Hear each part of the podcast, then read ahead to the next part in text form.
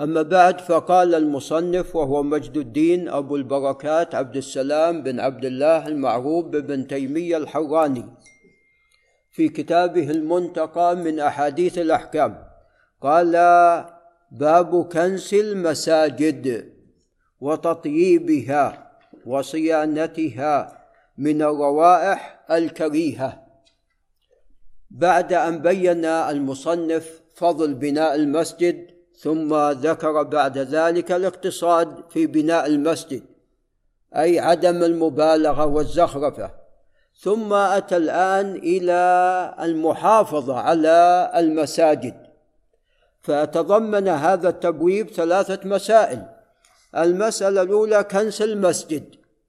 نعم. ولا شك أن المسجد يعني مكرم فينبغي أن ينظف. ولا شك أن يعني لو كان المسجد غير نظيف الناس يستقدرون الوساخة. فكنس المسجد هذا مطلوب. المسألة الثانية هو تطييب المسجد. نعم. التخلية قبل التحلية. التخلية وذلك بتنظيفه. ثم تأتي الآن مرحلة التحلية وهو تطييب المسجد.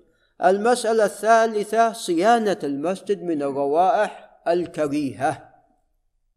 فاولا ينبغي للشخص الذي يأتي تكون رائحته ماذا؟ طيبة. ولذا جاء النهي عن أكل الثوم والبصل. نعم يعني عند الذهاب إلى المسجد لأداء الصلاة. ثم الملابس أيضا ينبغي أن تكون أيضا طيبة ورائحتها طيبة.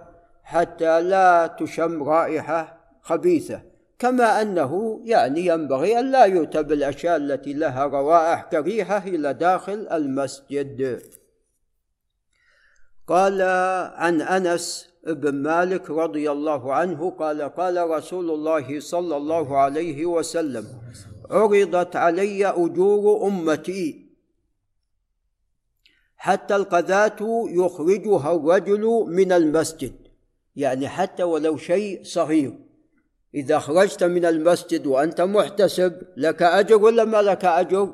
لك أجر. وقد تقدم لنا أن المرأة التي كانت تقوم المسجد عندما افتقدها الرسول عليه الصلاة والسلام سأل عليها فقالوا قد ماتت.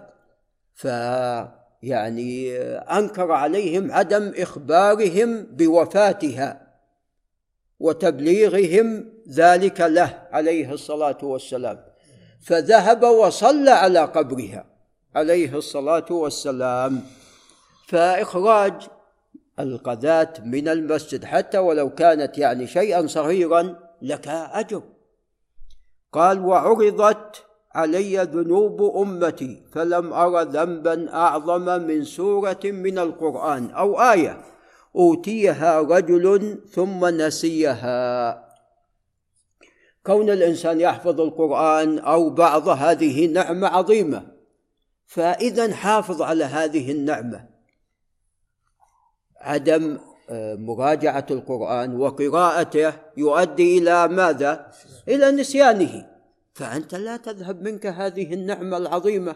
نعم فحافظ على آه، حفظ على حفظك للقرآن. قال رواه أبو داود. طبعا هذا الحديث لا يصح. هذا الحديث لا يصح. نعم.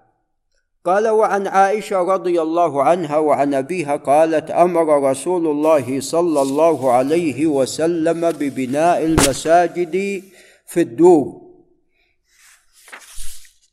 وأن تنظف وتطيب رواه الخمسة إلا النسائي. ببناء المساجد في الدور هذه دار فلان أي قبيلة فلان يعني مثل الحي. فتبنى في الأحياء المساجد. نعم.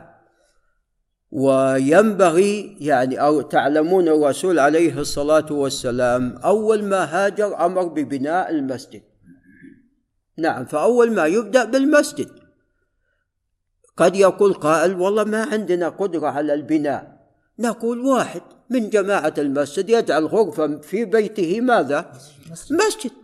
يجعل غرفة للصلاة. يجعل غرفة للصلاة. قال الله تعالى فاتقوا الله ما استطعتم.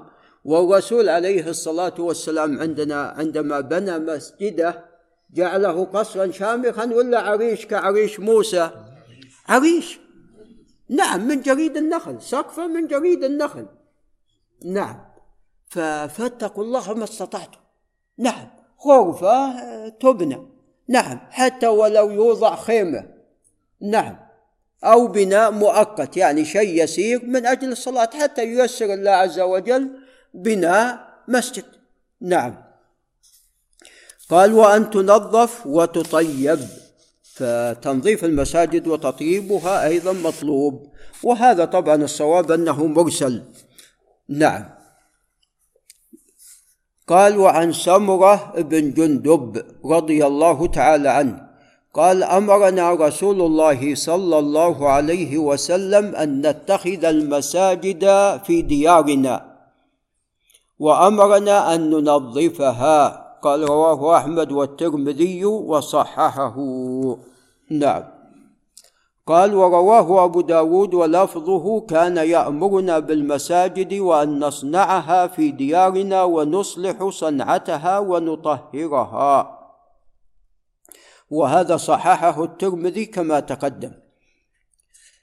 قال وعن جابر أن النبي صلى الله عليه وسلم قال من أكل الثوم والبصل والكراث هذه الأشياء كلها لها رائحة ماذا؟ كريهة. نعم. فلا يقربن مسجدنا فإن الملائكة تتأذى مما يتأذى منه بنو آدم. متفق عليه. إذا المسألة ليست خاصة بتأذي الناس بل حتى ماذا؟ الملائكة. والملائكة ترى تشهد الصلاة. الملائكة تشهد الصلاة. هناك ملائكة يتعاقبون في الليل والنهار ويجتمعون في فرضين. ما هما يا طارق؟ الفجر والعصر. أحسنت. يجتمعون في الفجر والعصر. نعم. فالملائكة تتأذى من الروائح الكريهة. قال متفق عليه. ولذا كان الرسول عليه الصلاة والسلام لا يأكل الطعام الذي فيه بصل ليس تحريما له. ولكن قال عليه الصلاة والسلام كل فإني يناجي من لا تناجي. يناجي جبريل. نعم. فلا شك أن الثوم والبصل بحمد الله مباح لكن ينبغي للإنسان أن لا يأكل لا يأكله مع الكراث أثناء وقت الصلاة أو قرب وقت الصلاة. نعم قال حديث جابر متفق عليه ولعل نقف عند هنا. جزاك الله خير.